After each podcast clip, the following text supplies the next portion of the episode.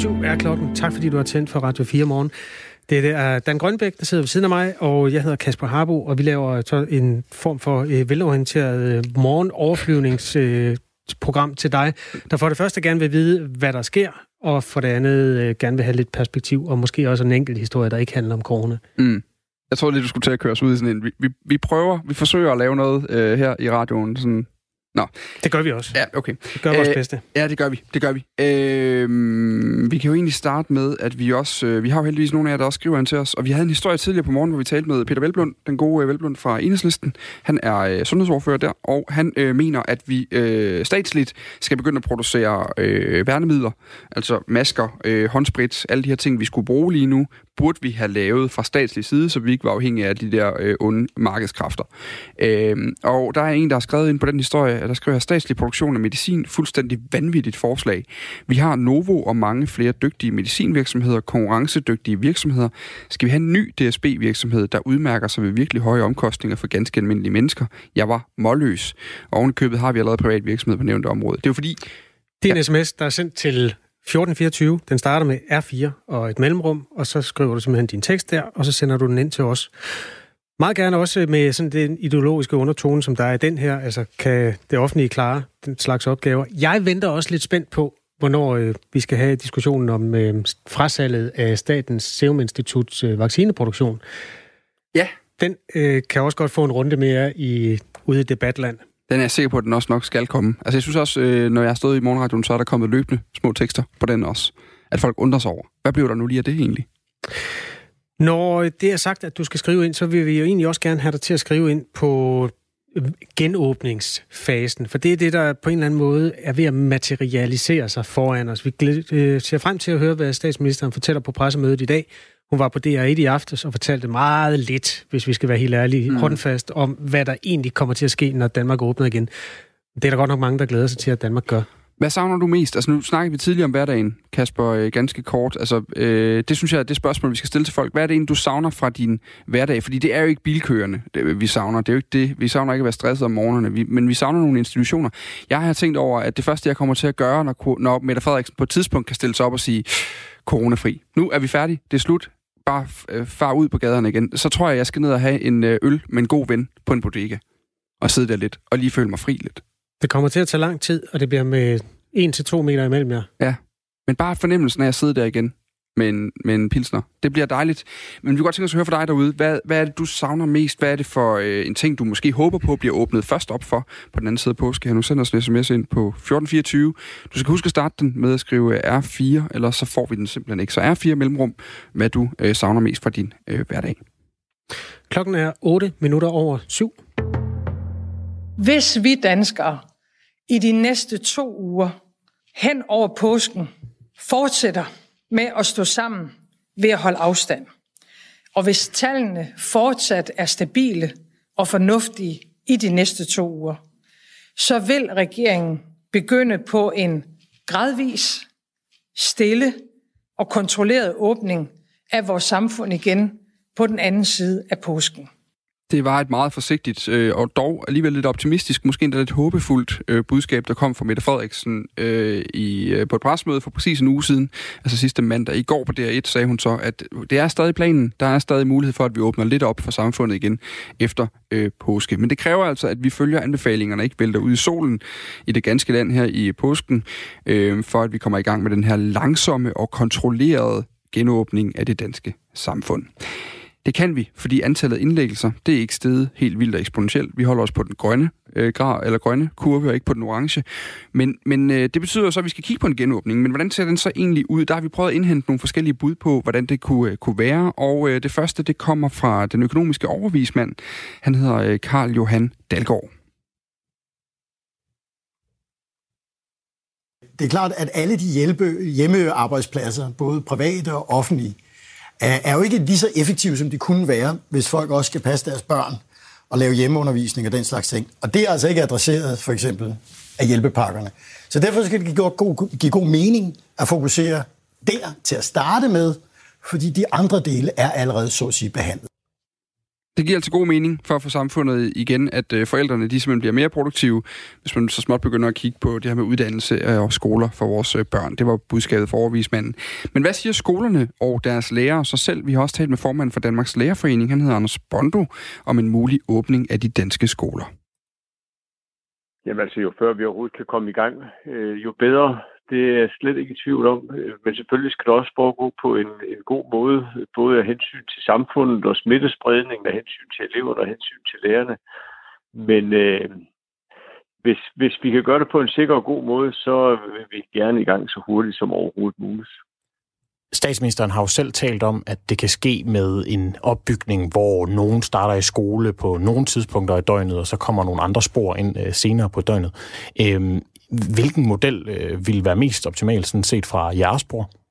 Altså, vi vil lytte rigtig meget til sundhedsmyndighederne, hvad de anbefaler. Det er dem, der er eksperterne. Så vil der selvfølgelig være en række praktiske forhold, som skal ordnes, og det vil vi prøve at tale med KL om, hvordan vi gør det på en god måde. Øh, vi er parat i de kommende dage, hvis øh, der er brug for, at vi sætter os sammen, og lige sådan, så tror jeg, at man ude lokalt i kommunerne og blandt vores lokale afdelinger er, er klar til at finde nogle gode løsninger. Men, øh, men jeg tror, vi skal overlade sådan det, de gode råd til, øh, til sundhedsmyndigheden. Det er dem, der er eksperterne her. På lærernes vegne, der har øh, Bondo øh, til med foreslået, at man helt aflyser 9. klassernes afgangsprøver, som altså skulle ligge øh, her lige om lidt øh, i det sene forår. Men hvorfor er det egentlig nødvendigt, spurgte vores kollega Peter Sindbæk også om.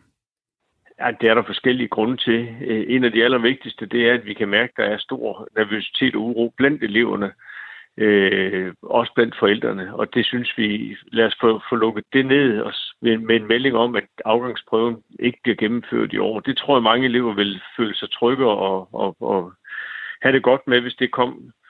Øh, noget andet, det er, at der også er flere og flere af, af lærerne, som skriver ind til os, at nu synes de ikke, at det giver øh, mening, eller det er ikke rimeligt over for eleverne, hvis man skal igennem en øh, afgangsprøve. Og det er jo blandt andet fordi signalerne om, at genåbningen af samfundet ikke kommer til at betyde, at skolen bare kører i fuld gear fra, fra tirsdag efter påske. Så derfor synes mange lærere, at, at nu er det ikke rimeligt i forhold til eleverne. Så samlet, når vi har samlet de ting sammen, så er vores råd til ministeren, at øh, vi får en melding om, at afgangseksamen bliver droppet i år. Det var altså øh, ordene fra lærernes øh, formand, Anders Bondo øh, Christensen. Han er dog ikke den eneste øh, fagforeningsformand, der er lidt bekymret. Thomas Kepler, han er formand for gymnasielærerne, og han er meget klar med sin opfordring til myndighederne. En genåbning må og skal følges op med krystalklare retningslinjer for både eleverne og lærernes skyld. Og han kommer der skal være helt klare rammer for, hvad er sundhedsmæssigt forsvarligt øh, i en øh, genstart af en øh, gymnasial uddannelse. Øh, selvfølgelig skal der det. Øh, jeg tænker, at alle også vil helt naturligt sige, at det, det modsatte synspunkt vil være, være meget mystisk at indtage. Øh, og det behøver ikke engang at være repræsentant for gymnasielærerne for at mene, tænker jeg. Altså selvfølgelig skal der være helt tydelige rammer omkring, hvornår Sundhedsstyrelsen mener, at noget er forsvarligt ude på en skole, og hvornår noget ikke er. Og det er jo så også der, hvor jeg ser udfordringerne for Sundhedsstyrelsen. Fordi der er jo enormt forskellige forhold på skolerne. Altså, og det er jo sådan noget som, har man store lokaler, eller har man små lokaler? Må man have 30 mennesker i et lokale, som vi havde før verden øh, gik i lave, gik, øh, øh blev lave, eller, eller må vi ikke? Øh, hvis de ikke skal sidde i samme lokale, hvordan skal de så sidde? Hvad nu, hvis der kun er en eller to trappeopgange op til undervisningsfløjen, øh, hvor alle så skal passere igennem? At det er sådan nogle spørgsmål, jeg også får fra medlemmer. Hvordan tænker man så egentlig, at Sundhedsstyrelsen skal kunne have så detaljeret et overblik over alle forholdene, på de vidt forskellige artede uddannelsesinstitutioner, vi har, at man kan få leveret øh, nogle, øh, nogle generelle anbefalinger, som er dækkende for alle steder. Øh, så på den måde så jeg, tror jeg også, at Sundhedsstyrelsen har en kæmpemæssig udfordring foran sig for at levere en, øh, en, en, en genåbning af uddannelsessektoren, som øh, bliver oplevet som tryg og sikker af alle. Uden klare retningslinjer går det altså ikke, det siger gymnasielærernes formand Thomas Kepler til vores reporter. Der er kommet en sms på den her, hvor der står, vi bør åbne 9. klasser, ungdomsuddannelser og videregående uddannelser. Det kan gøres på forsigtig vis. Med venlig hilsen, Henning. Mm. Øh, statsministeren forventes altså i dag på et eller andet tidspunkt at øh, præsentere sin plan for en kontrolleret genåbning af øh, samfundet. Men øh, hvordan undgår vi så, at skoler og vuggestuer og gymnasier og lignende ikke bare bliver til øh, smitteredder? Det spørgsmål kan vi stille til Thomas Benfield, der er professor og overlæge ved infektionsmedicinsk afdeling på Hvidovre Hospital. Godmorgen. Jeg havde håbet, vi havde Thomas Benfield med. Kan du høre mig, Thomas Benfield? Øh, jeg prøver lige at tage den her ud. Mhm. Kan I høre mig nu? Ja, perfekt. Hvis det er lidt højere op, tror jeg, men så er vi også ved at være der. Godmorgen. Sådan. Thomas Benfield, øh, nu har vi hørt nogle af de bekymringer, som eksisterer i skole- og gymnasieverdenen. De siger blandt andet, at der skal klare retningslinjer til. Hvordan kan man imødekomme det krav med et tilstrækkeligt niveau af detaljer? Ja, godmorgen. Undskyld øh, de tekniske forstyrrelser. Det er helt okay. Jamen altså, der er jo mange ting, vi lige skal have på plads. Vi skal jo lige vide, om, øh, om der sker smitte i skolerne og andre steder. Øh, så, så børnene skal jo undersøges på en eller anden måde, så vi overhovedet ved, om det er et problem. Mette Frederiksen har jo sagt, at det skal gøres gradvist og forsvarligt. Har du et bud på, hvordan det kan se ud i praksis? Jamen det er jo netop det, at det bliver nødt til at blive gjort i små trin, fordi vi, øh, der er så mange ting, vi ikke ved endnu. Så vi skal have undersøgt løbende, mens vi gør det. Jeg tror også, alle skal være forberedte på, at øh, tingene kan ændres med meget kort varsel. Både til det bedre og også til det værre, i takt med, at vi får de erfaringer, som bliver nødvendige. Hvad er det for nogle vigtige ting, som I ikke ved endnu, jer videnskabsfolk? Jamen, det er jo ikke kun videnskabsfolk, det er også praktikere og klinikere, som jeg også er halvdelen af tiden, og mange andre er. Det vi ikke ved, det er, om altså børn er jo ikke ramt af covid-19 øh, i særlig høj grad, men om de i virkeligheden har en meget let sygdom, som man så ikke øh, anser som, som covid-19, men de er positive og dermed kan smitte, som vi for eksempel ser ved influenza og andre lignende virus, øh, så vil det jo være et problem. Og vi har bare ikke haft lejlighed til at undersøge børnene i, i særlig høj grad endnu, og det er det, vi skal have gjort. Hvor lang tid tager det at få al den viden, som man mangler? Ja, altså sædvanligvis så tager det jo måneder, men lige i øjeblikket går tingene meget stærkt, så jeg vil tro, at man øh, ved en del om det her allerede inden for et par uger. Hvis man ser det her fra sådan et sundhedsfagligt perspektiv, det er jo din hverdag og dit arbejdsfelt. Hvad så du gerne, at man begyndte med at åbne for? Jeg tror, man skal er nødt til at tage sådan et konservativt standpunkt her, og så sige, at indtil vi ved mere, så må vi nok betragte det her, som om det er influenza. Øh, og det betyder desværre, at, øh, at det er skolerne og læreranstalterne, som kommer til at stå lidt længere hen i, i køen. Sådan så at man i første omgang får åbnet lidt mere for forretningslivet, øh, og måske også får gjort det muligt, at man igen kan være lidt mere social og mødes i lidt større grupper, hvis man altså vil at mærke holder den afstand, der skal til, og har den hygiejne, der skal til. Kunne du se for dig, at man kunne begynde at gå på værtshus eller på restaurant igen her efter påske? Øh, desværre ikke forløbig. Jeg vil utrolig gerne begge dele, der var en af jeres øh, studieværter, der vil drikke en fadøl. Ja, tak. Jeg vil gerne drikke den med dig. Men det bliver ikke lige med det samme. Hvor, altså, alle har jo lov at have deres meninger om det her. Nu er der ikke noget bindende i, når jeg spørger dig, men altså, kunne du se for dig, at man kunne øh, gennemføre en musikfestival i, det kunne være Roskilde, øh, til juni måned for eksempel? Altså, jeg har meget svært ved at se, hvordan man kan samle mere end øh, 50 mennesker, og så forestille sig, at man skal samle 100.000 mennesker, der kommer fra flere dele af verden og Danmark, øh, og have dem sammen i en uges tid, og så lade dem rejse hver til sit. Øh, det tror jeg inviterer til problemer.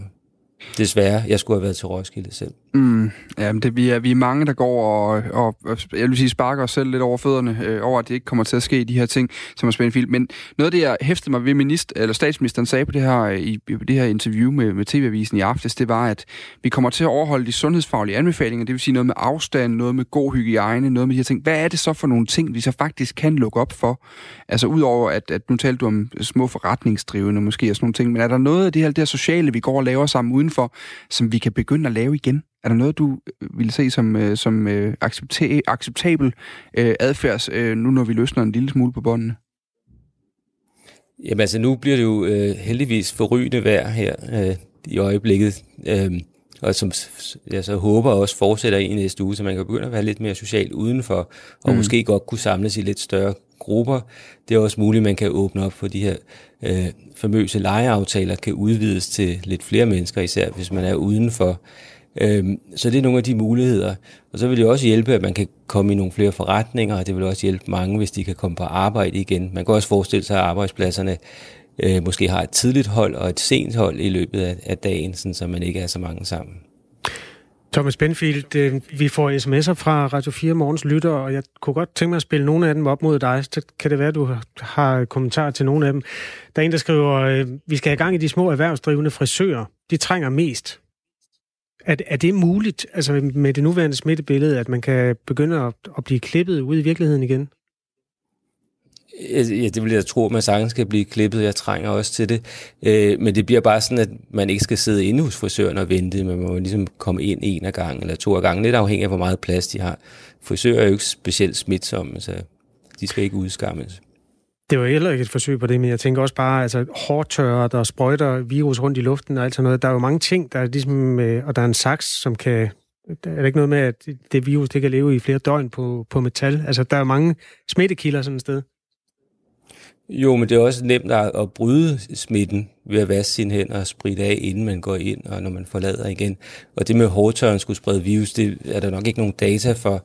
Og så vil jeg endelig sige, at hvis man er syg, så synes jeg ikke, man skal gå til frisøren. Så skal man blive hjemme, indtil man er rask, og så øh, lave en ny aftale. Det var heller ikke, fordi jeg opfandt data for, at hårdtørre spreder virus. Jeg tænker bare, når luften bliver pustet rundt i luft, altså hvis der er øh, noget, noget i luften, så bliver det jo pustet rundt på den måde. Lad nu det ligge. Jeg skal overhovedet ikke øh, kaste mod videnskab her. Kan man få de gamle tørrehjelme tilbage, så. ja, det, oh, det ville da være en stilet øh, konsekvens af den her coronakrise. Theodor, han skriver til os, hvad gør vi, der er i militæret, nu hvor vi er så tæt på hinanden konstant? Når, altså, hvordan kan det blive åbnet? Og her tror jeg, han tænker på sådan noget som 8 og 16 mands stuer. Altså, kan det overhovedet lade sig gøre? Nej, det, altså, det bliver måske også en af de vanskelige ting her i begyndelsen, men det må forsvaret også kigge på. De har ret god indsigt i de her ting. Men igen, så kan man jo godt forestille sig, at, øh, at det kun er nogen, der er hjemsendte, sådan så I kan være halvt så mange på en stue, eller en fjerdedel, hvad, hvad der nu er plads til. Mm. Noget af det, der måske også kan genåbnes, det er det her med, at man kan besøge sine kære på plejehjem. Det dur jo ikke, at man sådan resten af, af deres liv, som jo ikke er så langt, som det har været, altså at, at man ikke kan, kan komme til at se de mennesker. Tror du, der er noget perspektiv i forhold til det, at man kan komme til at, at, at have lidt mere trafik på plejehjemmene?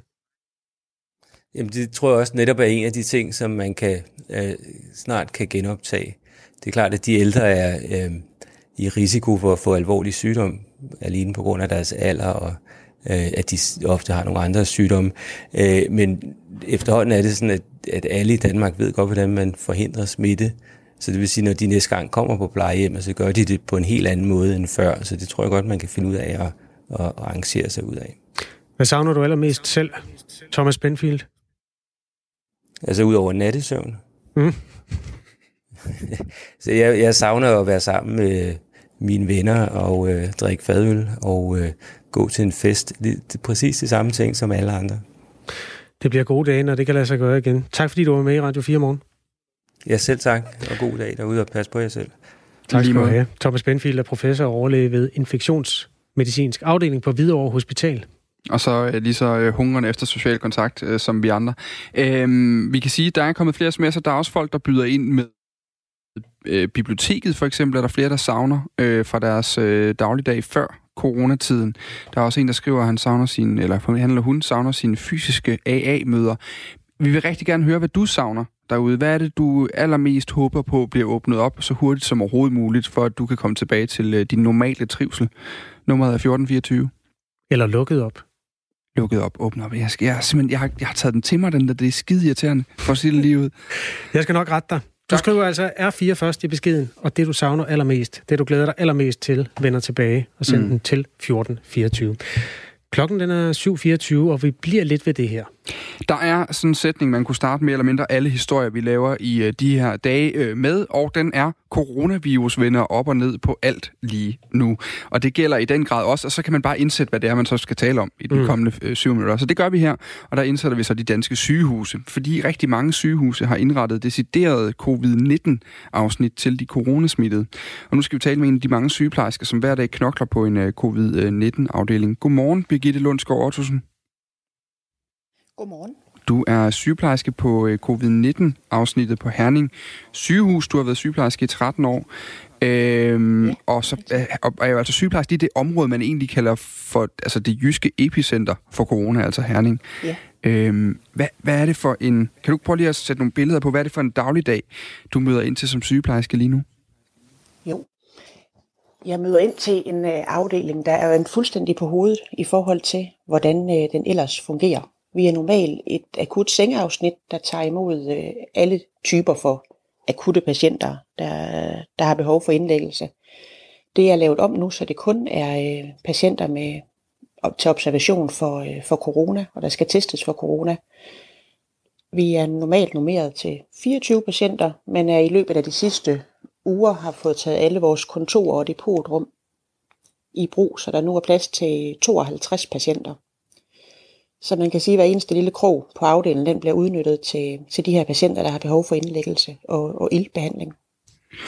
Og hvordan, altså, hvordan har rammerne ændret sig? Nu bor jeg bor i Aalborg, og når jeg går forbi øh, det ene sygehus i Aalborg, så kan jeg se, at de har mere eller mindre lejet samtlige partytelte, øh, som ikke øh, bruges øh, til alt muligt andet lige i øjeblikket, som er sat op. Altså, øh, hvordan, øh, hvordan er rammerne? Har de ændret sig siden? Rammerne har ændret sig i høj grad. Altså, der er øh, uden for indgangen til, til covid-19-afdelingen, er der sat et stort telt op til primært til falkfolk, til rengøring af deres øh, borgere og deres øh, værnemidler og deres udstyr.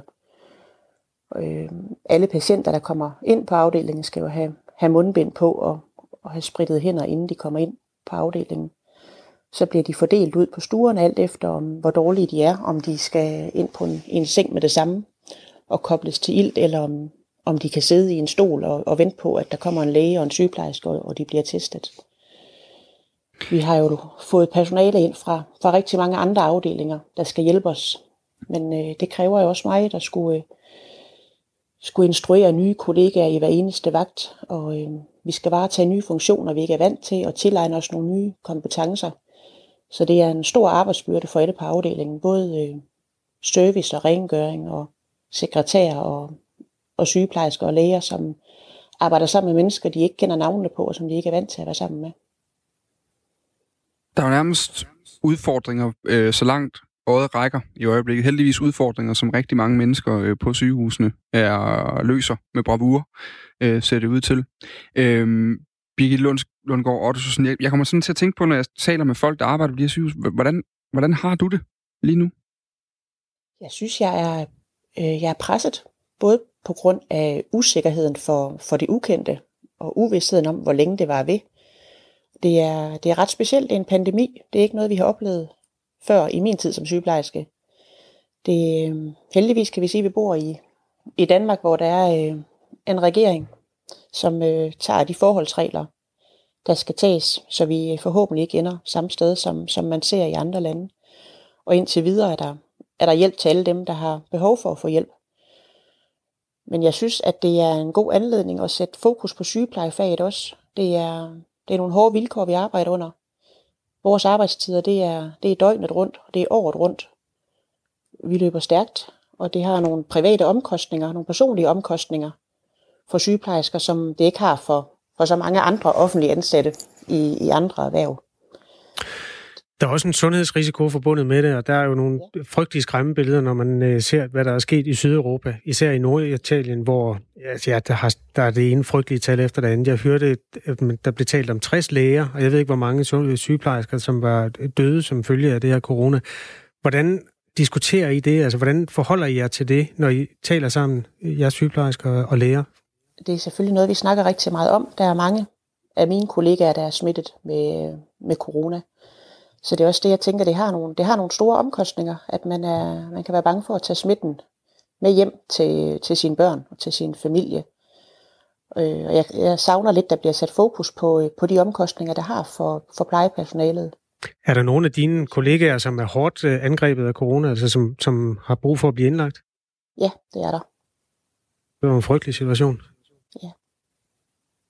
Hvordan er det, Jamen det, øh, det er selvfølgelig ikke rart at stå i, og det er, det er igen den her usikkerhed. Man, man ved ikke, hvad det er, man går ind og møder hver dag. Vi arbejder i et risikofelt. Øhm, men vi har også valgt faget for, for at kunne hjælpe andre. Og vi, jeg tænker, at de fleste sygeplejersker har den indstilling, at de ønsker at hjælpe hver enkelt, der kommer, der kommer ind. Og vi, øh, vi tager imod alle, der kommer. Man, man kan jo ikke sige nej til ambulancer, der holder udenfor og siger, at vi må lige køre en ekstra tur i rundkørslen, for vi har ikke, øh, vi har ikke en ledig stue i øjeblikket. Så jeg tænker, at vi, vi gør, hvad vi kan. Ja, ja. Det bliver vi selvfølgelig ved med. Lige, lige til sidst her. Øhm, altså, vi skal, vi skal lige, lige høre kort lige om, de, om de næste uger, men jeg vil godt tænke mig lige høre en enkelt ting, for du er lidt omkring det her, at det er jo det her, vi er uddannet til. Og det kan jeg huske, det er også noget, man talte om som journalister for nogle uger siden, at det er ligesom, det er sgu nu, det gælder. Altså nu, nu skal vi i gang. Nu, nu, nu må vi vise, hvad det er, vi er lavet af. Hvor meningsgivende er dit arbejde lige nu? På en skala fra 1 til 10, så er det 10. Jeg synes, det er utrolig meningsgivende at kunne, kunne være med helt fremme, hvor, øh, hvor der virkelig er brug for det. Men jeg synes også, det giver et ekstra pres. Vi, mm. vi er vant til at håndtere dårlige patienter og øh, have mange bolde i luften og, øh, og, have, og ikke vide, hvad, hvad den næste patient fejler, der kommer ind. Men vi er ikke vant til, at der bliver gjort statistik dagligt over, hvor mange indlagte patienter vi har, hvor mange der er i respirator, og hvor mange der dør på de enkelte sygehus. Det er et ekstra pres, vi arbejder under øh, hver eneste dag. Vi er, øh, vi er sindssygt glade for, at I gør det. Birgitte Lundsgaard øh, Ottosen. Ja. Tak for det, og øh, tak, tak fordi du vil være med her til morgen. Det var så lidt. Birgitte Lundgaard Ottesen, som altså er sygeplejerske på covid-19-afdelingen på Herning sygehus. Nu er klokken blevet 7.31. Vi giver ordet til vores nyhedsvært, Signe Ribergaard.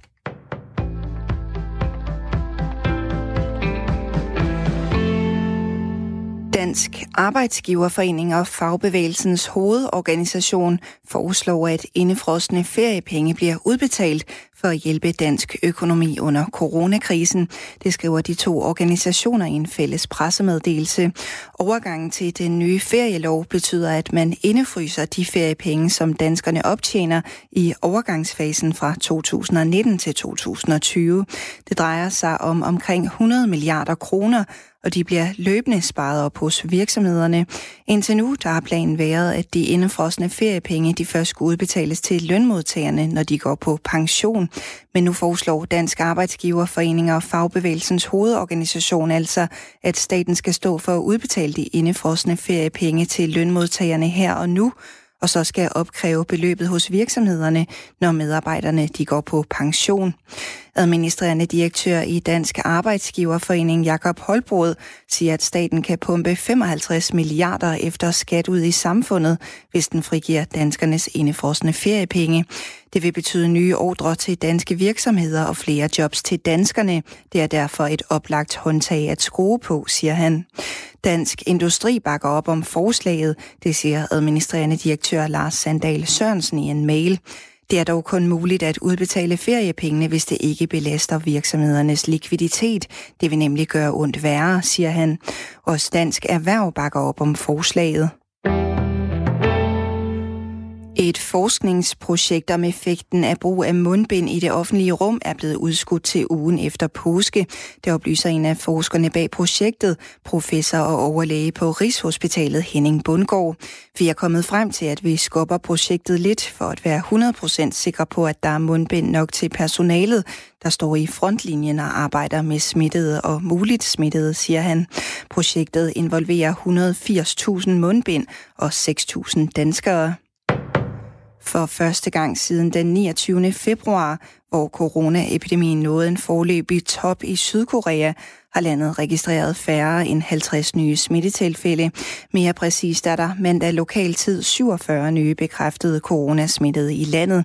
Det oplyser sundhedsmyndighederne ifølge nyhedsbureauet Reuters. Samfundsnedlukningen har ramt landets bosteder for psykisk syge ekstra hårdt samtidig med at beboerne på grund af coronakrisen har særlig meget brug for nogen at tale med, så er der blevet lukket for besøgende på bostederne. Og det er en hæslig situation, det siger Knud Christensen, der er formand for SIND, som er Landsforeningen for Psykisk Sundhed. Det går ud over beboerne. De har brug for mere kontakt og opmærksomhed, end de plejer at få, men de får mindre, siger han. Knud Christensen forklarer, at Sinds rådgivning i de her dage får mange henvendelser, både fra beboerne og fra pårørende. Flere og flere af de henvendelser, vi får, handler om den her situation. Der er ingen tvivl om, at der er et højt bekymringsniveau derude. Det kan ikke undgå at gøre nogen mere syge, end de er i forvejen, siger Knud Christensen. Han opfordrer til, at kommunerne tænker kreativt for at øge kontakten til de psykisk syge og deres pårørende. I det hele taget så mener formanden, at kommunikationen med pårørende om coronakrisen har været mangelfuld, og det bliver understøttet af en gennemgang af en database, som Information har sammensat over de 1605 bosteder, der er registreret på Socialstyrelsens tilbudsportal.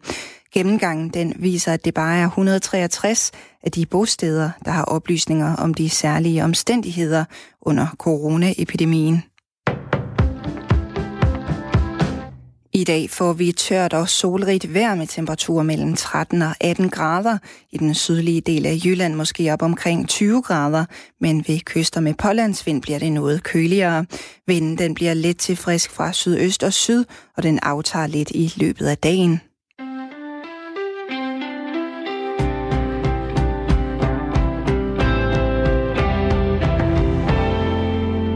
Godmorgen og velkommen til Radio 4 morgen. Hvis du lige har stået op, så kan jeg oplyse, klokken er 7.35. Det er en smuk dag, der hedder den 6. i 4. 2020. Her i studiet står Dan Grønbæk og Kasper Harbo. Vi laver Radio 4 morgen til dig.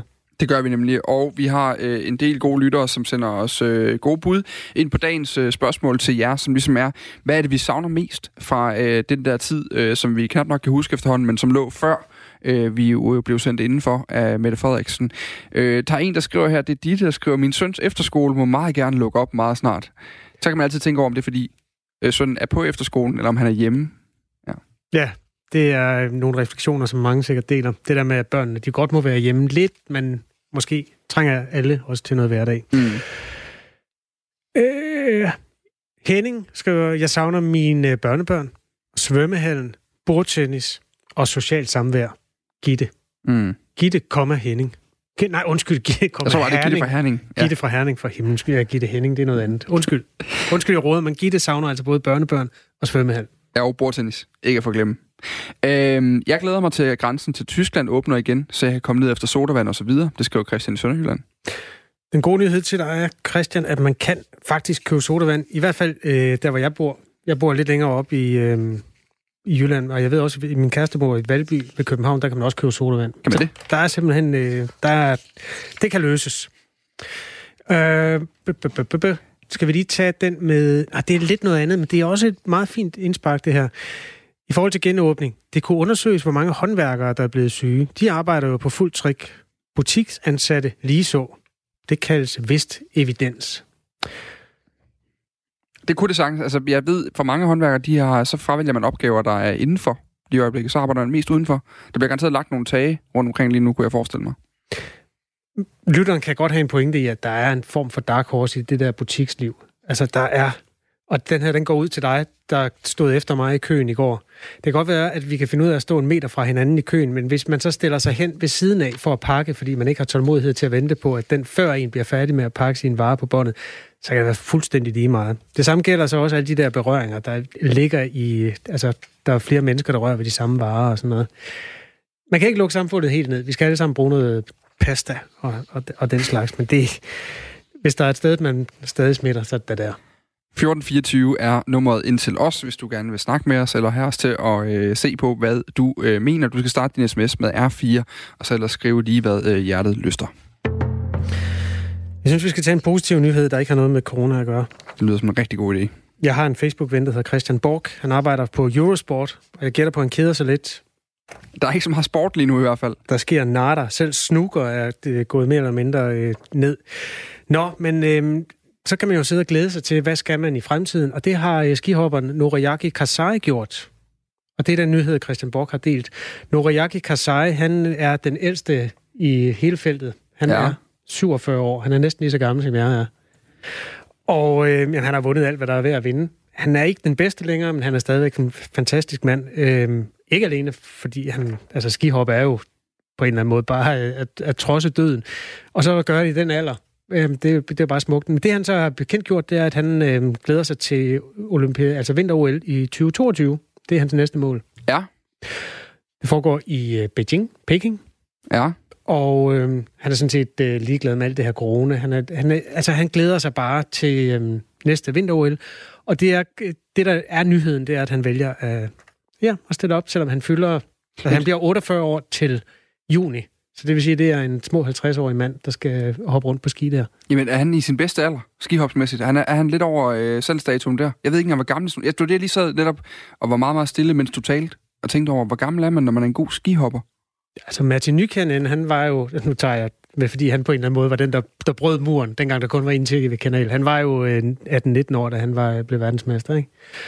Og det, jeg tror, det gælder... Der er nogen, der, der bliver verdensmester sidst i 20'erne også. Nogle, nogle få. Men altså, de fleste, de er jo start 20'erne. Det der, man, er mest, man skal have noget dødsfagt, og man skal have en vis kropsbygning, og så skal man have evnen til at, at tabe alle overflødige gram, fordi de, de har jo hule knogler, de mennesker der. Ja, det er rigtigt. Og man, så, man kan sige også, at erfaring dækker vel ikke så meget. Det gælder jo bare om fuld smadret derude af, og så husker lande. Lige præcis. Dan Grønbæks guide til kommende skihopper. Fuld smadret af. Husk at lande.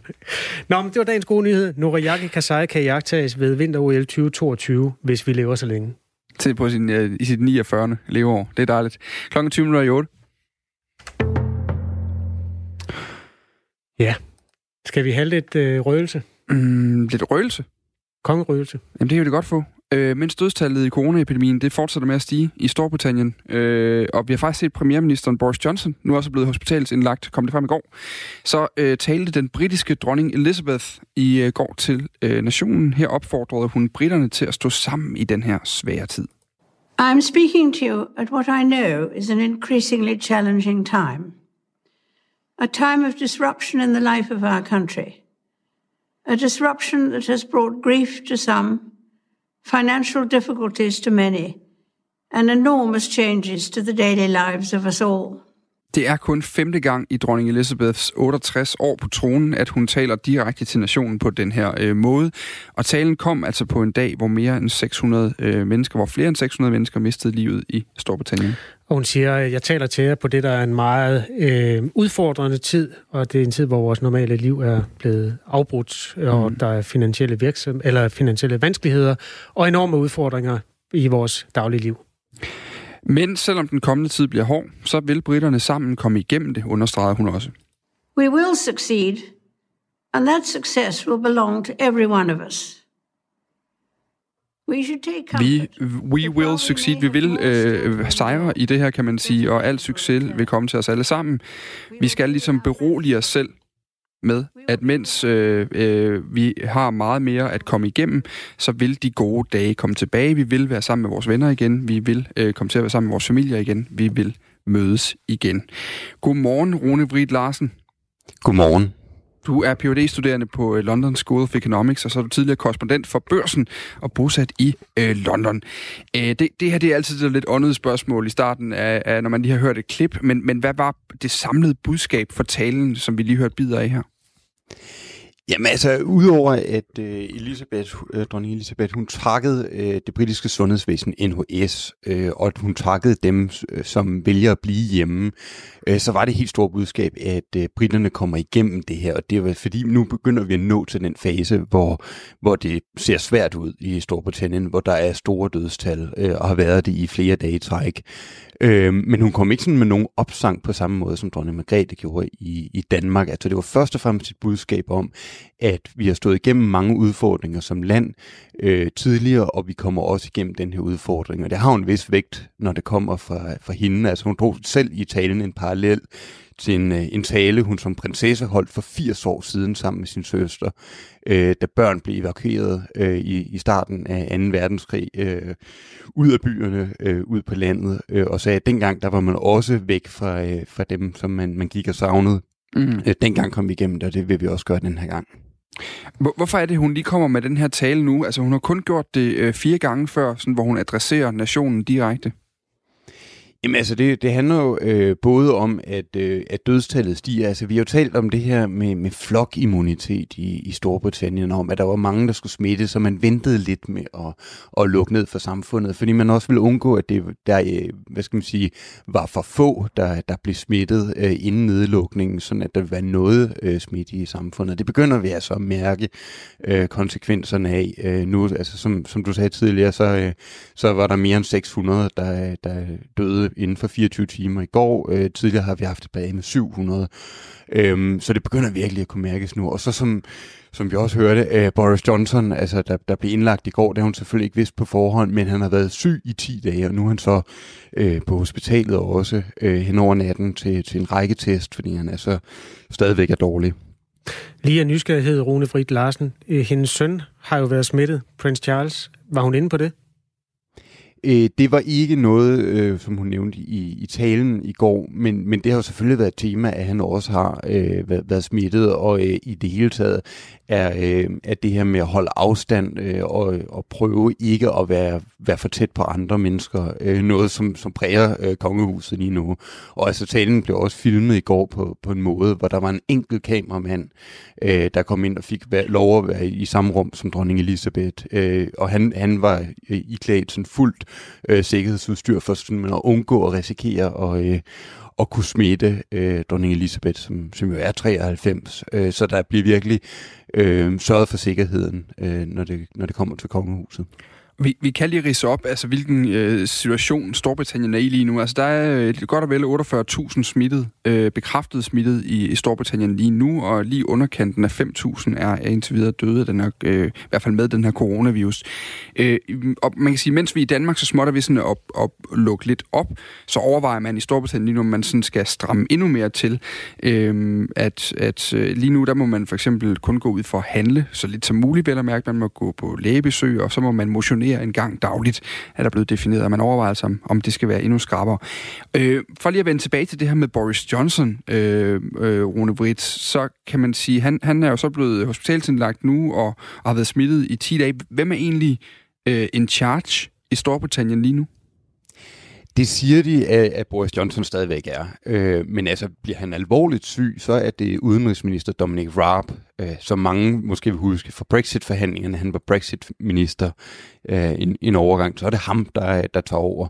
Og altså, meldingen er også, at selvom Boris Johnson øh, ikke skulle være alvorligt syg, ifølge hvad, hvad pressemedarbejderne i Downing Street sådan går og fortæller de britiske journalister lige nu, så, øh, så bliver det altså Dominic Raab, der tager sig af et regeringsmøde her, øh, her til morgen. Det vil ikke være Boris Johnson, selvom at øh, Johnson øh, sådan set har prøvet at insistere på at styre det hele via øh, video konferencer, øh, ligesom så mange andre gør øh, lige for tiden, øh, inden for, for sin isolation i, i Downing Street. Men det, det kommer han altså ikke til her til morgen. Øh, og meldingen er, at han ikke at han ikke skulle være alvorligt syg, at det er bare for en sikkerheds skyld, at man tager ham ind til test. Men, men der er jo selvfølgelig en bekymring over, øh, at, øh, at han stadigvæk er syg øh, efter, efter 10 dage nu. Nu nu øh, så ser vi, at vi har lige haft en solrig øh, weekend i Danmark. Vi taler efterhånden øh, høje forårstemperaturer herhjemme, øh, og det har jo så fået, fået folk til i hvert fald at nok samle sig øh, lidt mere, end hvad planen egentlig var. Øh, og og nu, nu går man så med, med spænding og kigger frem mod påsken.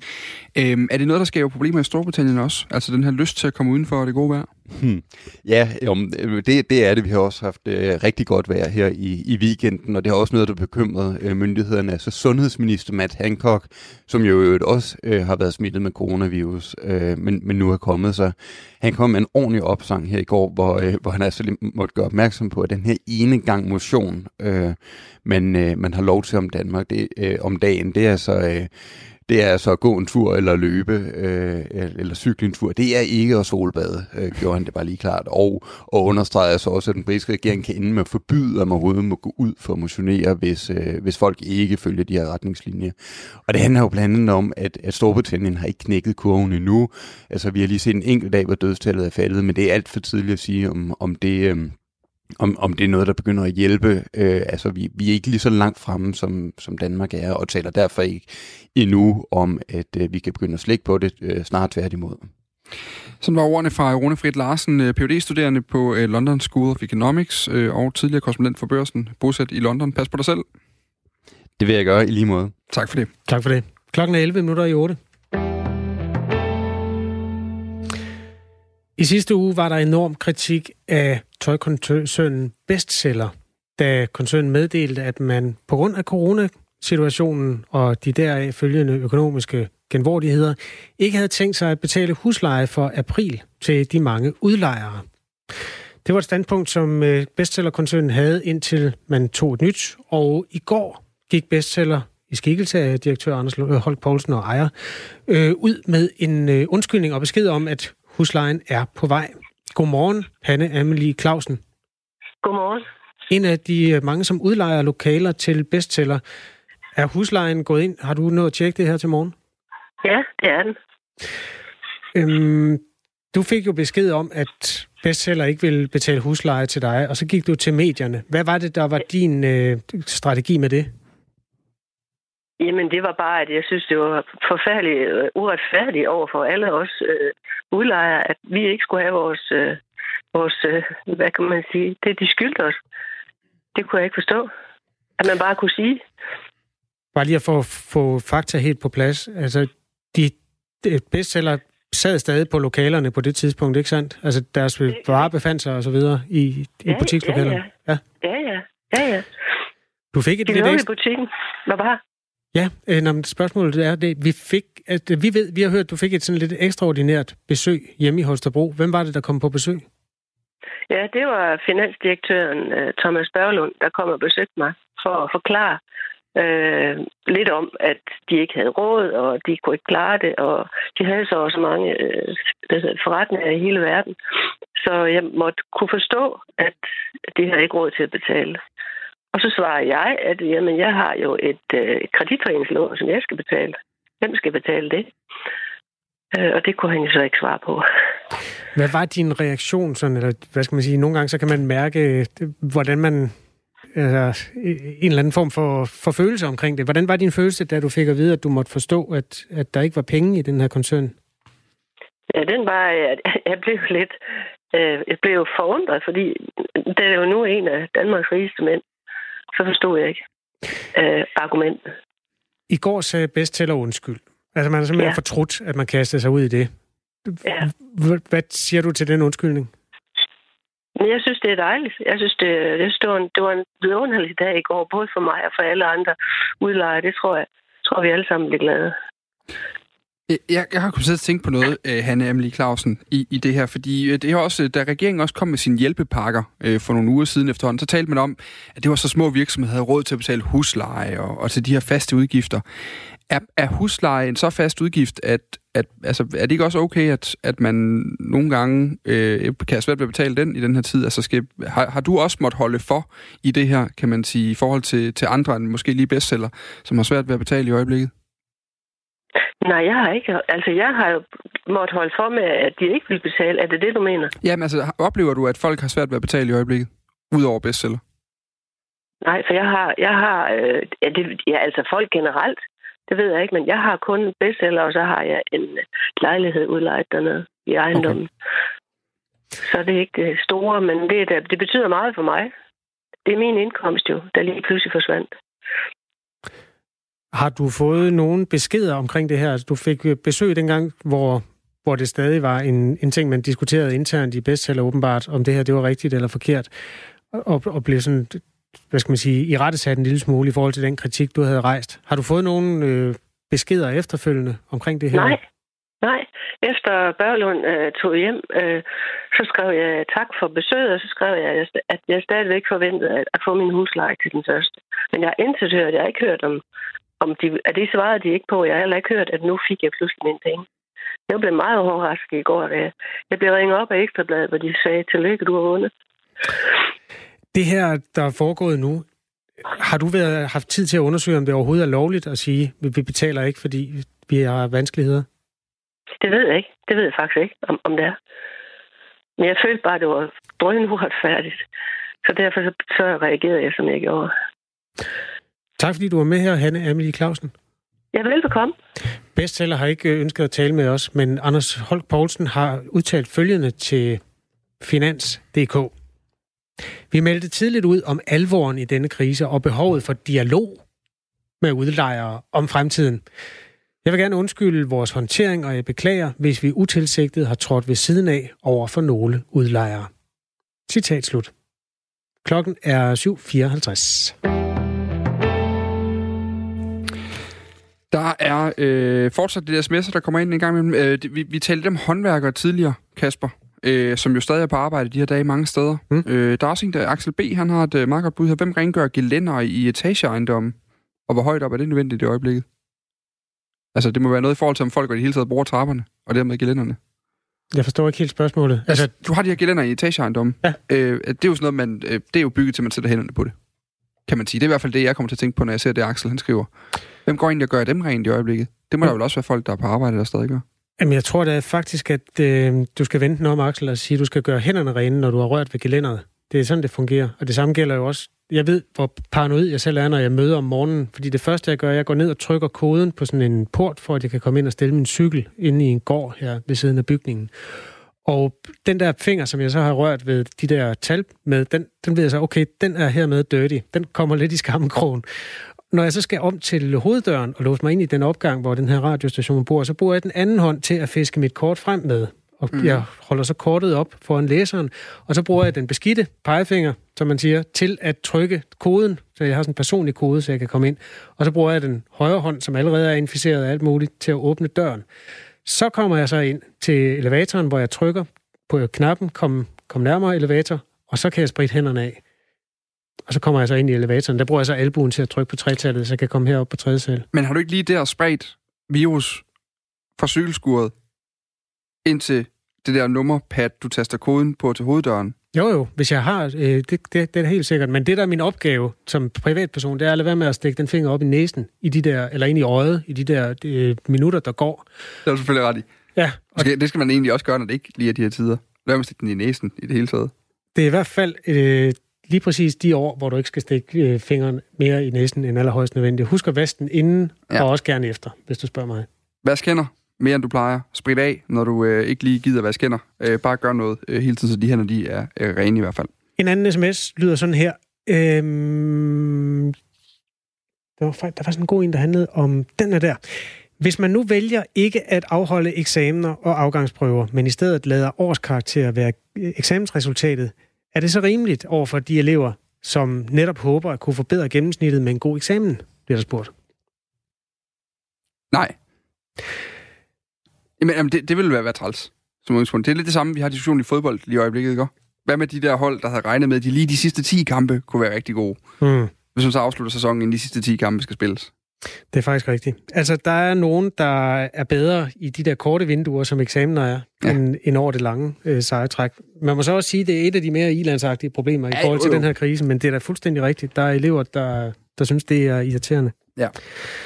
Klokken er tre minutter i øh, 8. Øh, der er nyheder klar øh, inden så længe. Men vi vil rigtig gerne have, at du bliver med at øh, skrive ind til os. Vi kigger lidt på i dag det her med, hvad, hvad er det egentlig for nogle ting, vi savner? Fordi vi jo lige nu forhåbentlig kigger frem mod en en påske, som, øh, som øh, forhåbentlig går godt. Vi overholder reglerne, vi bliver ved med at, øh, og, og isolere os, hvis vi er syge. Vi bliver med at holde afstand, vi bliver med at spritte hænder af og vaske hænder osv., som så måske kan betyde, at man åbner op for nogle dele af samfundet på den anden side af påske. Øh, vi forventer, at øh, Mette Frederiksen i dag øh, fortæller noget om, hvordan man har tænkt sig at lave den her øh, forsigtige og gradvise åbning efter øh, påske. Det er i hvert fald Berlingske TV2, der melder, at hun vil holde pressemøde i dag, hvor hun vil fortælle øh, noget om øh, det. Så vi vil rigtig gerne høre dig. Hvad er det for nogle ting, du håber allermest på bliver lukket op øh, hurtigt? Hvad savner du allermest fra din øh, coronafri hverdag, øh, som virker til at være langt væk lige i øjeblikket? En kommentar kunne være denne fra Mikkel, der skriver, det første, der kommer til at... Det, Åh, den er lidt svær at komme. Det første, nogen som helst kommer til at gøre, er bestemt af andre end dem selv. Hvis det er bibliotekerne, der åbner først, så er vi alle på biblioteket. Mm. Og det er jo historien om en øh, befolkning, der bare sidder på spring til at komme ud og tage del i ikke bare en eller anden form for samfundsliv. Og så er der Carsten, der lige har skrevet ind, at han kommer til at savne roen, når det hele er øh, over. Skriv ind til os på 1424, start din sms med R4, så kommer du også med i uh, puljen og i snakken her. Der er nyheder om lidt. Øh, en af nyhederne, der har tækket ind her til morgen, er at der er en tiger, der er coronasmittet. Den har angiveligt tør hoste. Det kræver en, dyre dyrepasser at, øh, at skælne det. Du bor jo lige ved siden af, af Zoologisk Have. Har du lagt mærke til, at lydkulissen har, har ændret sig? Mm, nej, altså jeg sad jo og tænkte lidt over det, da jeg så nyheden i morges. Vi, jeg bor så tæt på en zoologisk have, at jeg kan høre, når løven den, øh, den er sulten en gang imellem. Så bliver der lige brøl en omgang op mellem træerne der i Aalborg, øh, hvor den zoologiske have ligger. Øh, I hvert fald nok til, at min øh, toårige søn han bliver relativt bange, når han løber rundt derhjemme, og lige pludselig er sådan lidt øh, brav ind af, eller sådan brøl ind af, af vinduet. Jeg har ikke hørt den der tørre hoste. Jeg er heller ikke sikker på, at jeg ville kunne genkende den, hvis jeg hørte den. Men det skræmmende perspektiv er jo bare, at øh, nu er der alle mulige mærkelige dyrearter, der går rundt og bliver coronasmittede. Tidligere kom jo også øh, den skrækkelige nyhed om, at øh, tigermanden Joe Exotic, jeg ved ikke, om du ser, har set den Netflix-serie? Lige de første pausnit, så du må for guds skyld ikke øh, sige alt for meget. Nej, men den ligger på Netflix. Det, den hedder Tiger King, og den handler om en relativt ekscentrisk, øh, flamboyant type, der har et utal af tiger. Øhm, uden at spoil for meget, vil jeg sige, han røg jo bag træmmer. Ja. Og øhm, derinde, bag træmmerne, er han simpelthen blevet smittet med corona. Og på den måde er det simpelthen nået alle samfundslag efterhånden. Lad være med at gå tæt på tigerne, uanset hvad. Klokken er 8.